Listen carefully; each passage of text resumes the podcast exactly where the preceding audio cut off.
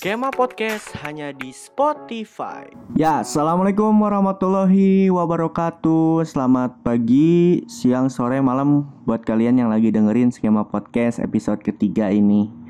Akhirnya nggak kerasa udah sampai episode ketiga dari pertama episode mulai dari episode 1, episode 2 sampai sekarang nih episode 3. Kembali lagi di sini bersama gue Rahli. BTW terima kasih buat kalian yang sudah mendengarkan episode-episode sebelumnya di skema podcast. Alhamdulillah banget nih banyak yang ngasih komentar positif, banyak juga yang ngasih masukan untuk berkembang untuk berkembangnya podcast ini. Thank you banget sekali lagi buat kalian yang udah dengerin skema podcast. Lalu nih, karena kebijakan pemerintah untuk bekerja dari rumah, sekolah dari rumah yang akhir-akhir ini kan virus corona ini sudah ada di Indonesia maka dari itu gue memutuskan buat bikin episode 3 ini spesial di rumah sendirian, tapi tenang aja. Nanti gue bakal ajak temen gue untuk gabung di episode kali ini. Dengan cara gue bakal teleponin satu-satu entah siapa. Jadi gue bakal ngobrol nggak akan sendiri gitu gini episode 3 ini gue mau ngebahas tentang uh, virus corona atau COVID-19 ini di Indonesia. Kenapa sih gue pengen ngebahas topik ini? Karena bukan masalah virusnya yang kita tahu semua bahwa virus ini berasal dari uh, China di daerah Wuhan gitu.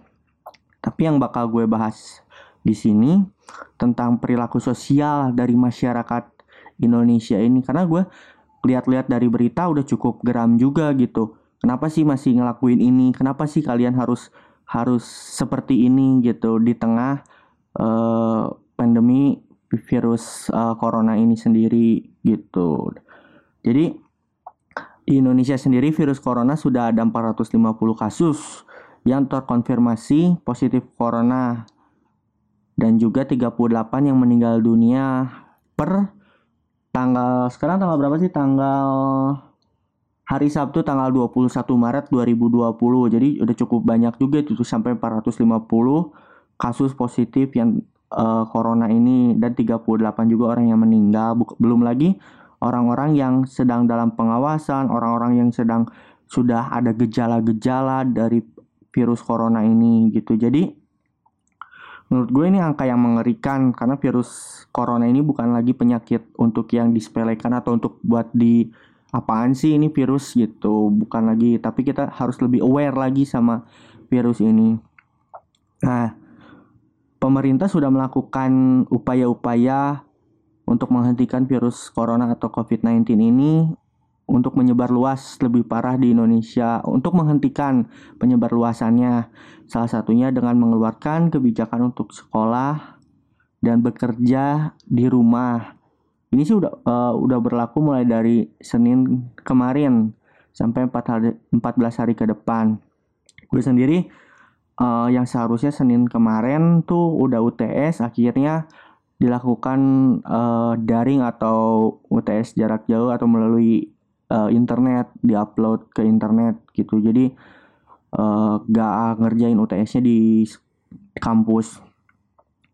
Nah, terus yang selain itu, uh, pemerintah juga udah menyiapkan alat sebanyak 2 juta lebih untuk memeriksakan untuk melakukan pemeriksaan secara massal yang difungsikan difungsikan di seluruh wilayah Indonesia. Tapi sih, tapi bukan seluruh wajib nih kita kita semua untuk memeriksakannya. Tapi yang gue tahu sih tadi yang gue coba cari informasi bahwa nantinya tim kesehatan akan datang ke rumah sakit atau puskesmas atau ke rumah-rumah di daerah kalian untuk melakukan pemeriksaan dengan sampel. Jadi nggak semuanya uh, semua penduduk Indonesia tuh diperiksakan uh, si virus COVID-19 ini. Jadi hanya sampel, hanya beberapa sampel karena kan yang kita tahu bahwa virus ini bersifat pandemi yang artinya uh, pertama bisa menular dan biasanya menular itu di daerah-daerah sekitar si virus ini ada gitu. Selanjutnya um, kembali ke topik awal tadi gue mau ngebahas kenapa sih udah tahu pemerintah tuh eh, ngasih upaya salah satunya tadi untuk untuk bekerja dan sekolah dari rumah tapi kenapa sih masih ada aja gitu orang yang dia tuh udah tahu COVID-19 ini tuh bahaya gitu. Masih aja gitu pada liburan ke puncak ini masih aja liburan ke pantai ini masih aja main ke mall ini aja ma- masih pada ngopi pada nongkrong gitu. Terus ada yang gue tahu eh, masih aja pada ngadain acara yang massal gitu yang bersifatnya melibatkan banyak orang. Itu menurut gue salah satu hal yang sangat bodoh sekali. Kenapa sih harus melakukan kegiatan itu gitu pada misalnya jadi kenapa sih gitu masih ada kegeraman sendiri? Pada nggak dengar apa sih berita kalau virus corona ini tuh bisa menyebabkan orang meninggal?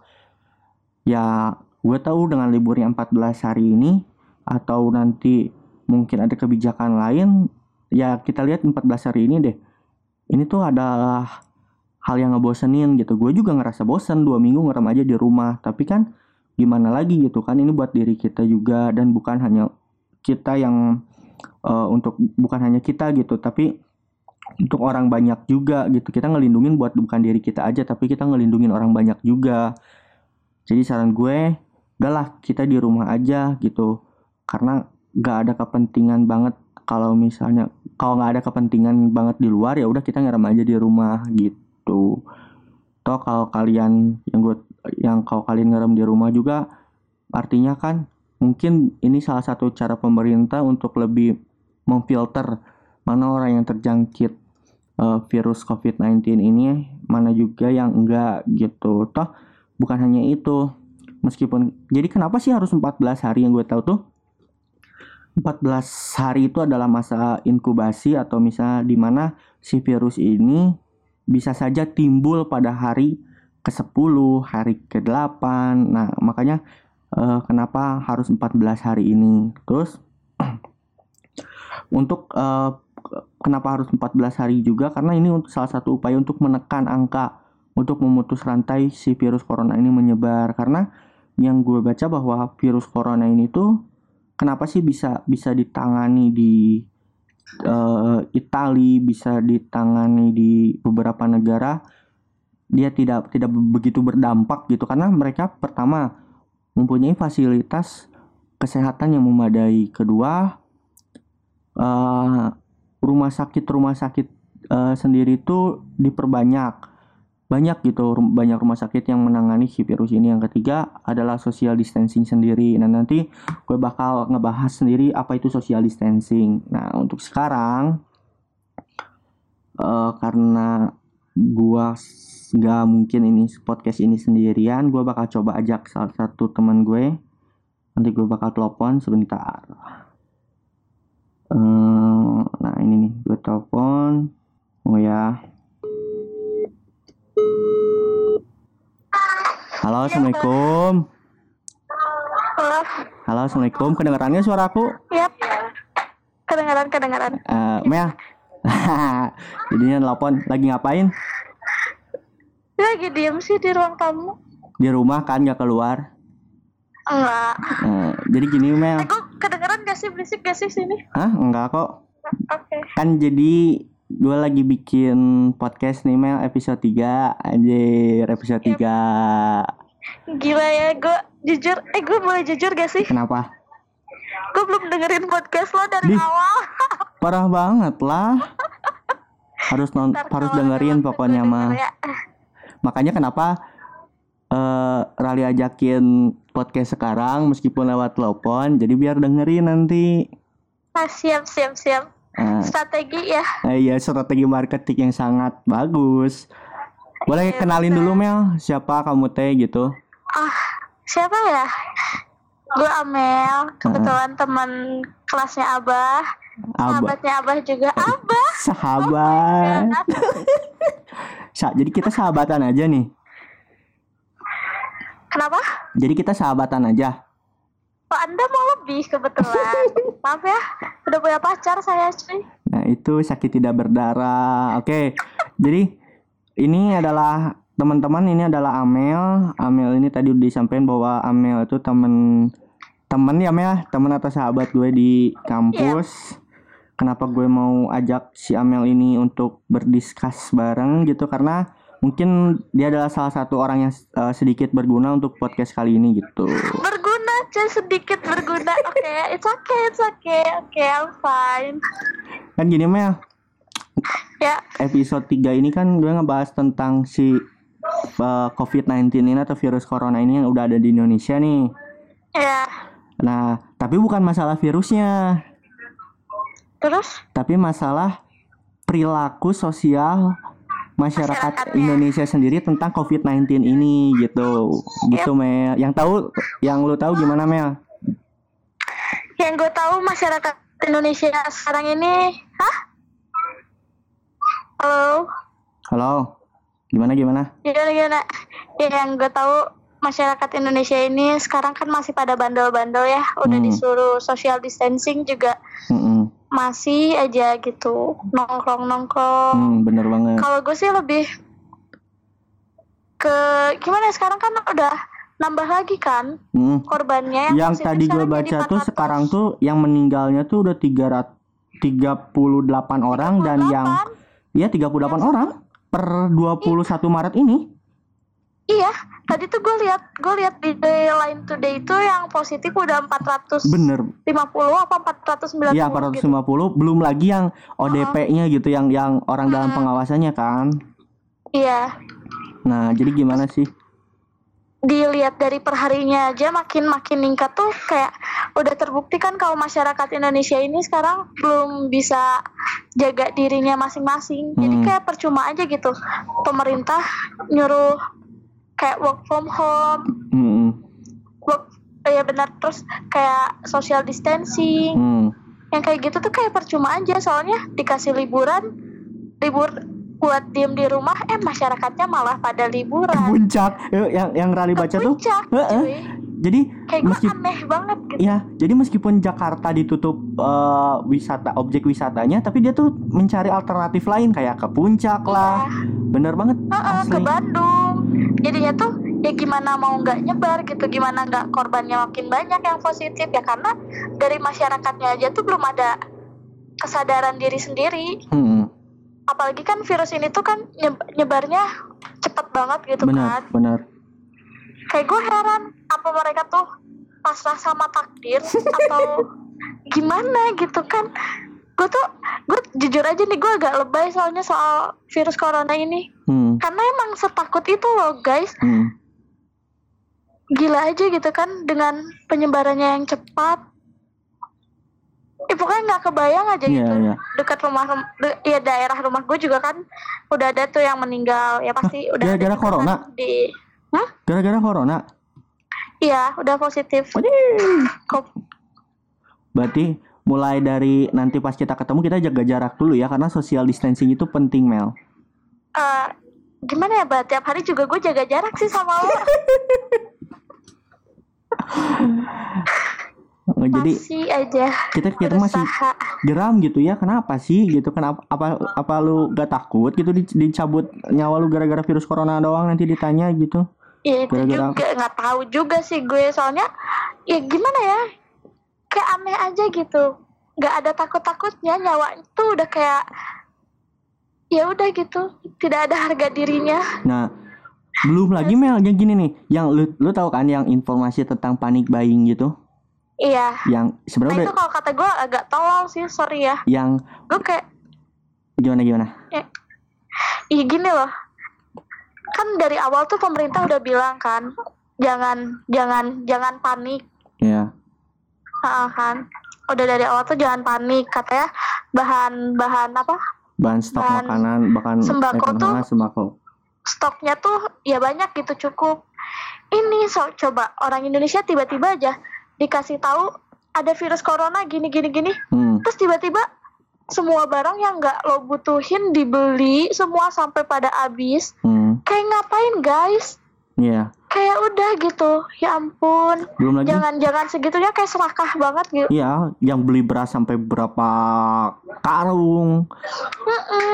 Belum lagi yang ah, gini. jadinya tuh kayak nyusahin nyusahin orang-orang yang butuh Nah, bener banget. Nggak sih Terutama masalah alat al- eh, ini Mel, masalah Alat- kesehatan, iya, alat kesehatan kayak masker. kayak masker Nah, kayak gitu. Nah, itu jadi tangan Ah, lagi asli. sekarang.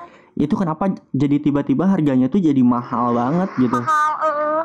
Eh, terus gue gue bingung sama orang-orang yang nimbun masker kayak guys please ya Allah orang-orangnya di luar negeri masker tuh disediain maksudnya harga normal gitu terus Hmm. nggak nggak panik gitu ini kok malah dibeli semua Hmm. ditimbun harganya dinaikin Iya, kayak tidak berkemanusiaan gak sih heeh, benar. Jadi dia, seolah dia memanfaatkan keuntungan diri sendiri. keadaan Nah, itu bener banget. Nah, terus belum lagi nih masalah penimbunan masker. Ada lagi Mel yang di Bandung tuh yang gue tahu yang di Astana Anyar bahwa dia tuh ada pro, eh, home home industry gitu dia tuh menimbun masker dan bukan hasil Ah. masker ini masker bersih tapi masker yang bekas masker gitu. bekas Lu tahu kan? itu kurang ajar banget sih Jadi dia dijual oh ya untungnya pihak kepolisian cepat gitu untuk menanggapi Si kasus ini. Iyalah, itu itu bukan cuman virus corona kali bah yang bakalan nyerang. Gila bekas orang, cuy. Asli. Kita aja kalau pakai kan sekali pakai gitu, udah nggak dipakai ya udah harus langsung dibuang. Iya. Karena emang beneran pasti banyak-banyak udah kotor lah. Hmm, Ini bekas orang terus ditimbun dijual lagi. Oh my god. asli itu ngeri banget. Sumpah.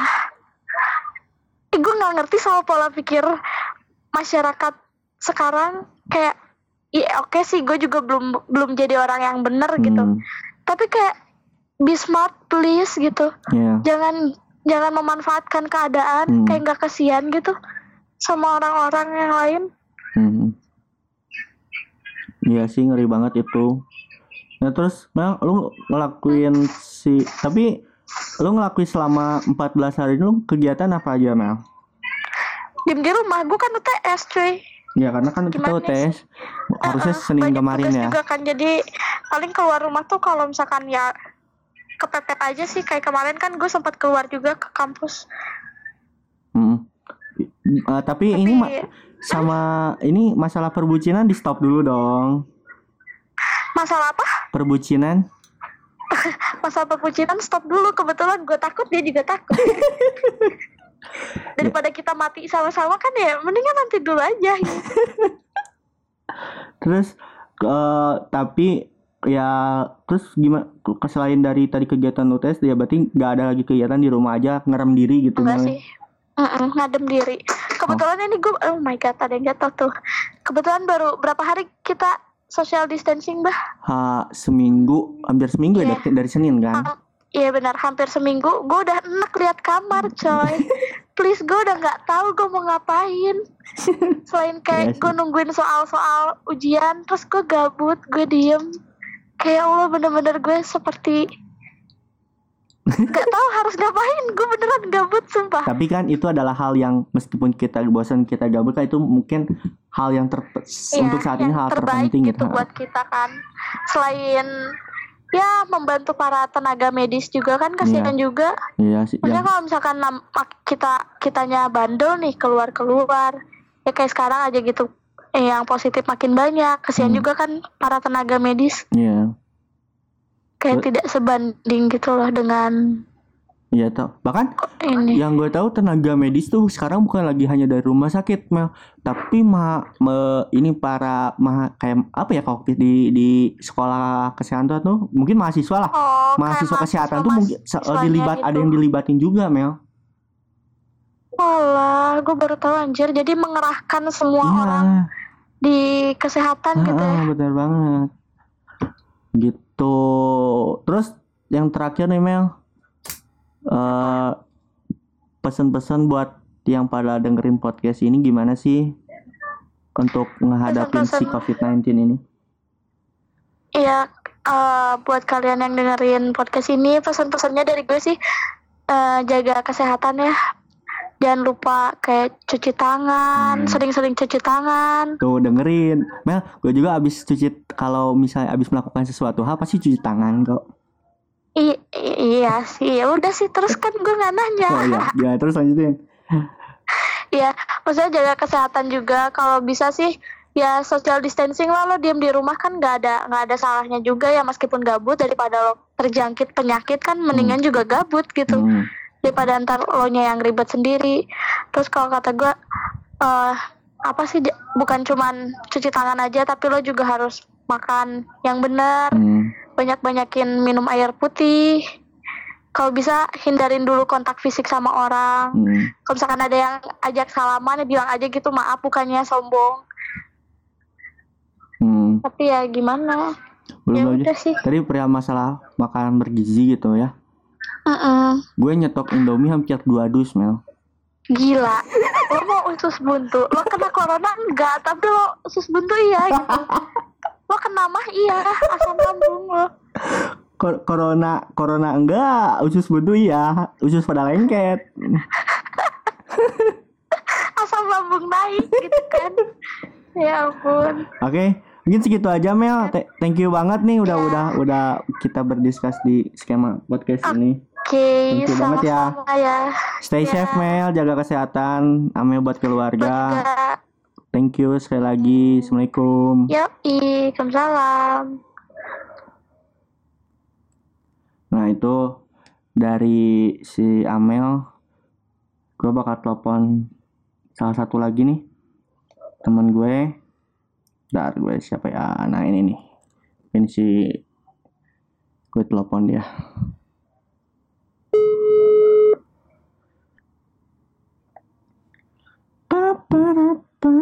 Halo,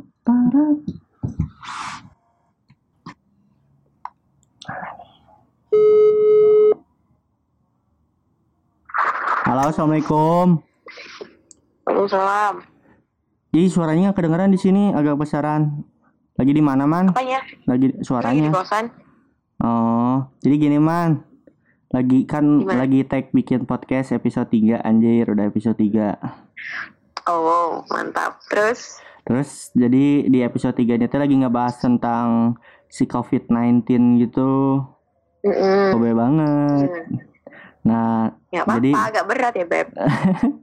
tadi udah tadi udah nelpon si Amel di tadi juga udah nelpon si Amel nah yang kedua telepon lu gitu Terus? jadi kenapa jadi boleh nih kenalin dulu namanya siapa gitu biar kita akrab Kita kan udah akrab. iya ya nggak apa-apa biar kan Oh, iya, iya, iya. belum tentu pada para pendengar ini pada tahu gitu jadi siapa ini siapa anda Aku Amanda, temennya Rahli.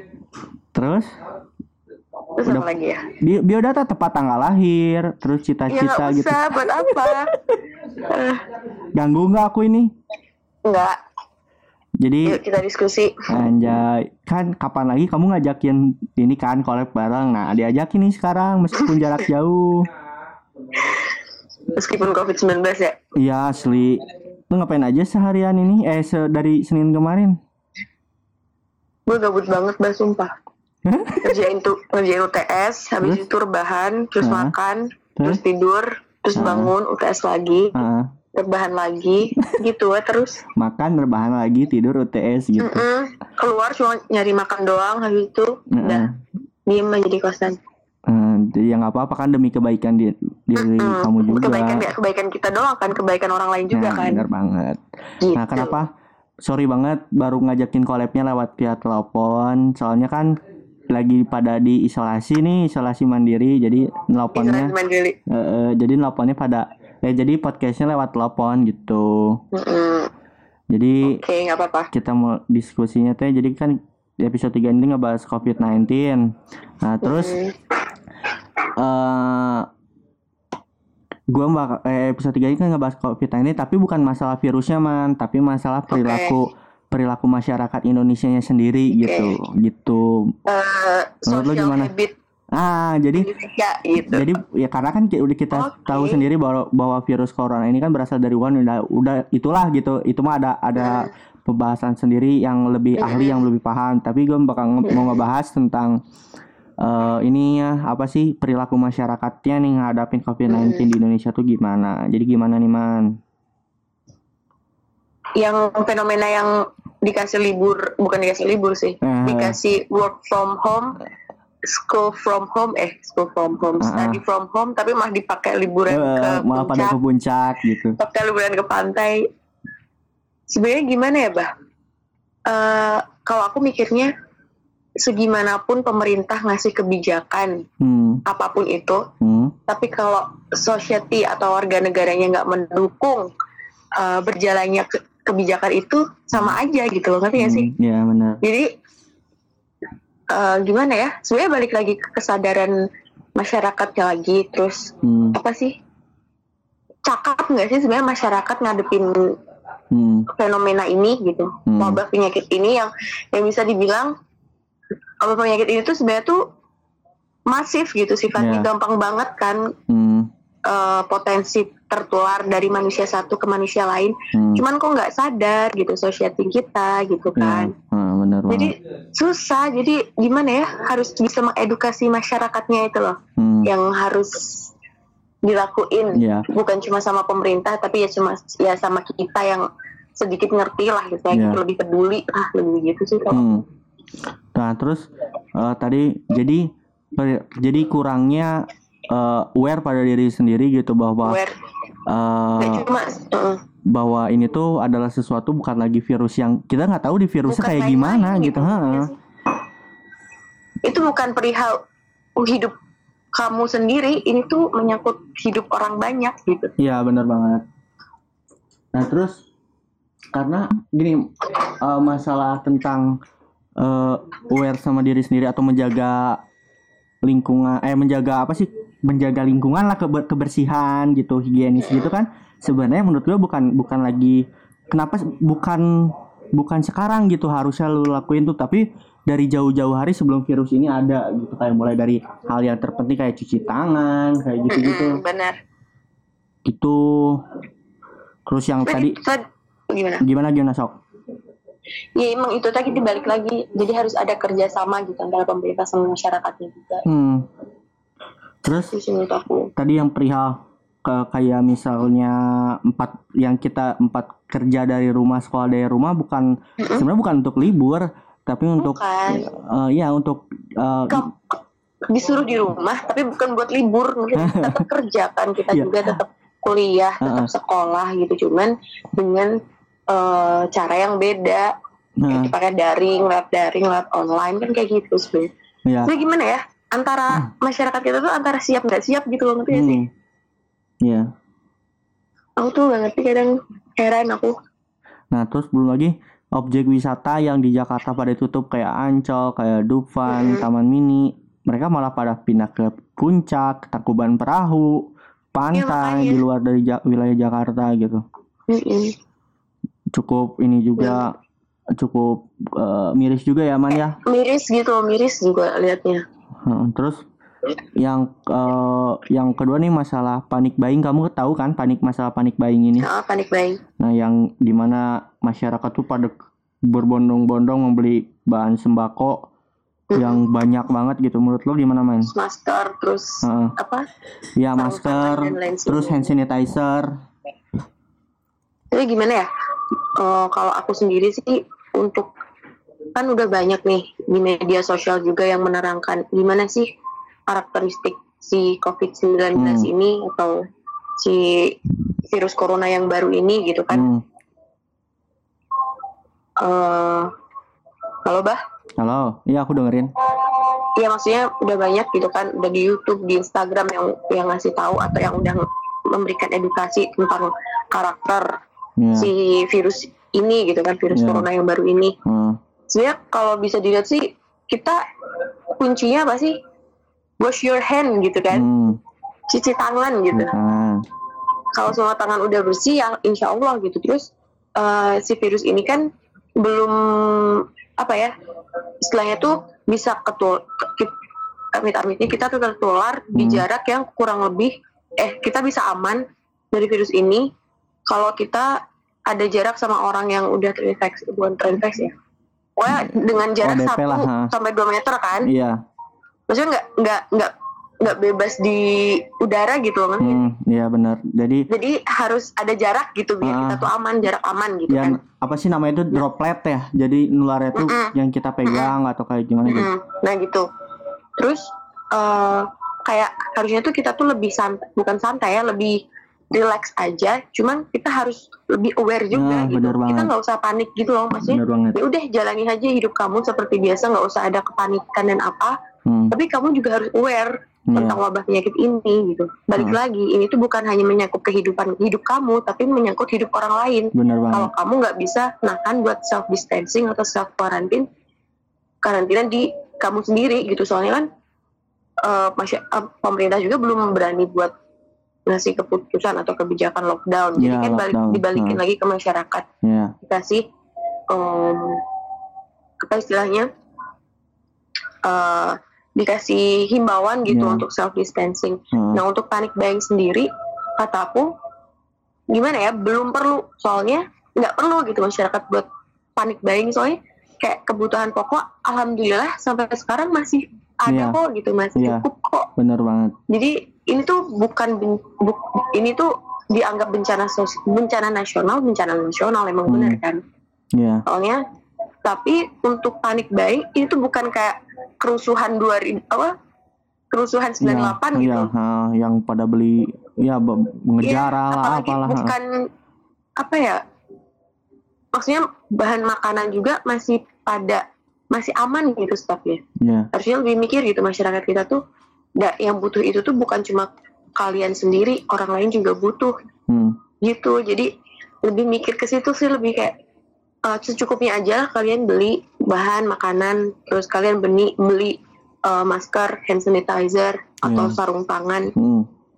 apalagi yang tentang masker terus sarung tangan ada kan pokoknya sarung tangannya apa gitu jenisnya yang emang lagi dicari banget sama masyarakat Iya. padahal mereka nggak perlu-perlu banget kalau di rumah gitu Hmm. kan mereka cuma cukup dari luar habis dari luar oke lah bisa mandi Iya. bisa cuci tangan cuci kaki sebelum makan cuci tangan sesudah makan cuci tangan terus keluar dari kamar mandi cuci tangan itu Hmm. aja udah cukup gitu loh nggak Hmm. perlu kalian bawa kalau emang kalian sehat keadaannya nggak perlu kalian beli masker diborong-borong hand sanitizer kalian harus berbagi juga gitu mikirnya terus Hmm. untuk sarung tangan bukannya lebih yang membutuhkan itu bukannya lebih yang lebih membutuhkan itu bukannya si perawat-perawat Hmm, ini iya. atau tenaga medis ini yang langsung berinteraksi Iya. sama orang yang Hmm. emang udah terpapar sama virus corona. Harusnya lebih mikir ke situ sih. Ya bahkan Tapi orang yang sakit aja sekarang dia bingung cara cari masker tuh cara bingungnya gimana nah soalnya jadi mereka yang nggak terlalu membutuhkan sok-sokan harus beli kayak gitu padahal nggak mikirin orang lain yang emang lebih membutuhkan gitu Hmm. gitu sih terus Belum lagi Gitu gini sih. man yang masalah panic buying. Karena kan gini, panic Hmm. buying tuh eh, belu- di kondisi sekarang tuh pasti harga pada naik kan. pada naik Ah, nah, apalagi nilai rupiah naik Iya, benar. Sekarang dolar udah- lemah banget ah, ah, udah udah sampai 16 hampir Mm-mm. 16 ribu ya kalau nggak salah. Mm-mm. Nah, gini, tadi perihal kamu menyinggung masalah kerusuhan eh, 98 kan. Bisa saja dengan adanya panic buying ini dengan harga ke, ke- apa sih harga sembako pada naik tuh Gitu. memunculkan memunculkan kerusuhan juga di mana?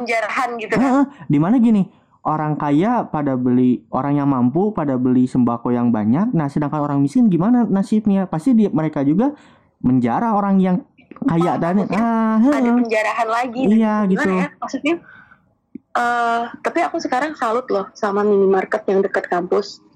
Yang di apa Nah, jadi gimana? aku jadi aku agak agak sedikit terharu ketika aku nyari masker di situ dan ternyata ada gitu. Hmm. di situ ada tulisan ternyata kebijakan dari minimarketnya mungkin ya eh, satu customer cuma boleh beli satu masker. Hmm. Itu merupakan apa ya dari pengusaha sendiri merupakan kebijakan yang berani gitu kalau kata aku ya. Ya terus terus si yang punya usaha ini perusahaan ini juga mungkin sudah menunjukkan aware-nya untuk masyarakat gitu untuk Iya. negara juga gitu Hmm. dalam menanggulangi atau memangkas si COVID-19 ini penyebaran COVID-19 ini. Nah dari hal kecil kayak gitu kalau yang ngelakuin banyak pihak, insya Allah gitu pemerintah juga bisa kebantu sama kita Iya benar banget. gitu sih. Oke. Apalagi sebenarnya yang ditakutin tuh apa sih takutnya terjadi tsunami pasien si COVID-19 ini. Eh, jadi- Sedangkan tenaga medis, melonjak perawatan gitu. medis nggak memumpuni, maksudnya nggak bisa nge-backup si seluruh pasien ini kalau nanti ada perlonjakan eh, korban COVID-19 ini. Yang ditakutin kan itu. Jadi gimana sih cara kita biar ngebantu si tenaga medis ini biar juga meringankan beban pekerjaan mereka Hmm, terus bisa mendukung kebijakan pemerintah hmm. dengan cara kita juga harus bisa aware gitu sama diri masyarakat gitu jangan Ya, egois lagi lah mikirnya bener banget. Kalau aku sih gitu Nah, yang terakhir nih man, buat eh, pesan-pesan buat para pendengar podcast di skema podcast ini gimana sih buat ngadap pesannya gitu, buat eh, kalian tuh ngadapin COVID-19 tuh gimana man? ya kalau buat aku eh, kita bisa dengar lah di media sosial udah banyak banget eh, edukasi tentang COVID-19 ini kayak Hmm. gimana terus cara pencegahannya kayak gimana. Ya, cuman untuk yang ke arah sosialnya uh, lebih keep calm aja gitu. Yang penting kitanya juga harus safe sama diri kita sendiri. Hmm, kita harus bisa nurunin ego untuk kita berdiam diri di rumah atau di rumah aja. Iya benar Misalnya banget. self distancing atau self karantin Ja, Um, jadi tetap santai aja. Cuman juga waspada gitu. Ya. Jangan lupa Dan- juga jaga kesehatan gitu mungkin man ya. jaga Cuci kesehatan juga. tangan. jaga kondisi jangan makan makanan sembarangan makan makanan bergizi terus minum air putih yang cukup. Cuci tangan terus jangan lupa. Ya, karena gini eh bu ya bukan masalah ngekos ya, karena gini, eh, makanan gi- bergizi juga tetap harus dijaga ya, meskipun buat teman-teman yang pada lagi pada ngekos nih, pada merantau gitu, tetap kalian juga harus makan harus makan yang bergizi. ya apalagi alhamdulillahnya gitu dari sekitar kampus masih pada jualan gitu kan warung-warung jadi Iya. aku aman gitu Heeh. Mungkin segitu dulu aja man. Thank you banget nih Oke. udah pada eh udah gabung di skema podcast episode 3 ini. oke Sorry ganggu waktunya. Sehat-sehat man ya. amin insyaallah Sehat-sehat buat makasih Rali buat kamu, buat yang pada di juga. Lengkong. Thank you sekali lagi, thank you man, assalamualaikum. bye waalaikumsalam Dadah dulu atuh.